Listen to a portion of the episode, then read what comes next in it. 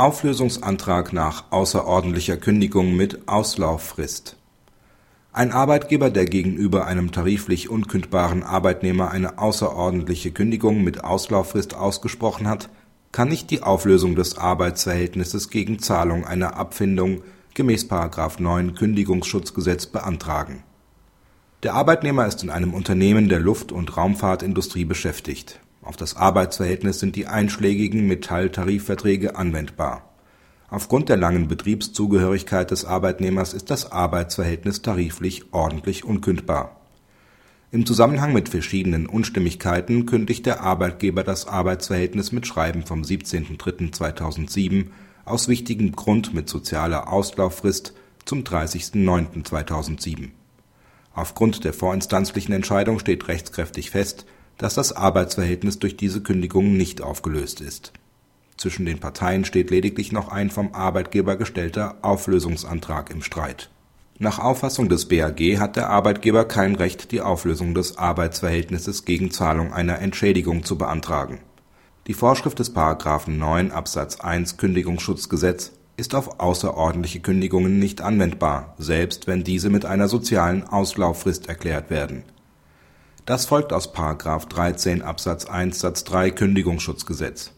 Nach dieser Vorschrift besteht das Recht, einen Auflösungsantrag zu stellen, im Fall der Rechtsunwirksamkeit einer außerordentlichen Kündigung ausschließlich dem Arbeitnehmer zu. Eine analoge Anwendung der Vorschrift des § 9 Absatz 1 Satz 2 Kündigungsschutzgesetz auf Fälle einer unwirksamen fristlosen Arbeitgeberkündigung kommt nicht in Betracht der Gesetzgeber sieht eine unwirksame außerordentliche Kündigung als eine besonders schwerwiegende Pflichtverletzung des Arbeitgebers an, mit der Folge, dass ihm die Möglichkeit verwehrt wird, seinerseits einen Auflösungsantrag zu stellen.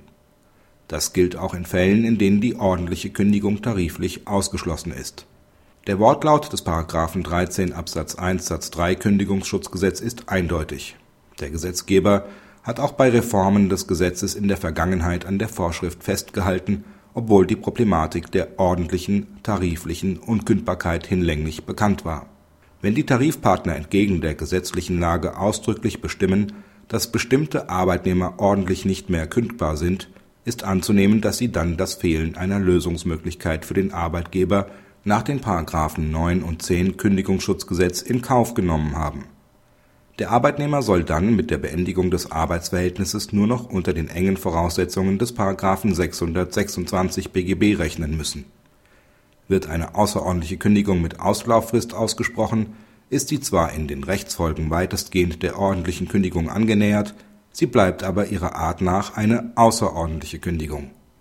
Kritik Das BAG beruft sich zur Begründung seiner Entscheidung maßgeblich auf den Gesetzeswortlaut und die Gesetzesbegründung Allerdings ist fraglich, ob es nicht doch eventuell Fälle gibt, in denen die analoge Anwendung von § 9 Kündigungsschutzgesetz auf außerordentliche Kündigungen mit Auslauffrist ausnahmsweise gerechtfertigt sein kann.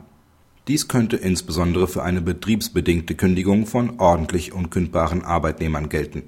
Der vom BAG behauptete Unterschied zwischen außerordentlicher und ordentlicher Kündigung ist in diesem Bereich lediglich formaler Natur der die Ausnahmeregelung des § 13 Absatz 1 Satz 3 Kündigungsschutzgesetz rechtfertigende Gedanke, dass der Arbeitgeber mit einer unwirksamen außerordentlichen Kündigung einen schwerwiegenden Eingriff in das Vertragsgefüge vornimmt, greift bei dem Ausspruch einer betriebsbedingten Kündigung wohl nicht.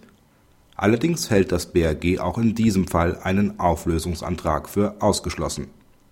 Immerhin lässt das Gericht offen ob gegebenenfalls bei Beschäftigten in herausragender Position eine abweichende Beurteilung geboten ist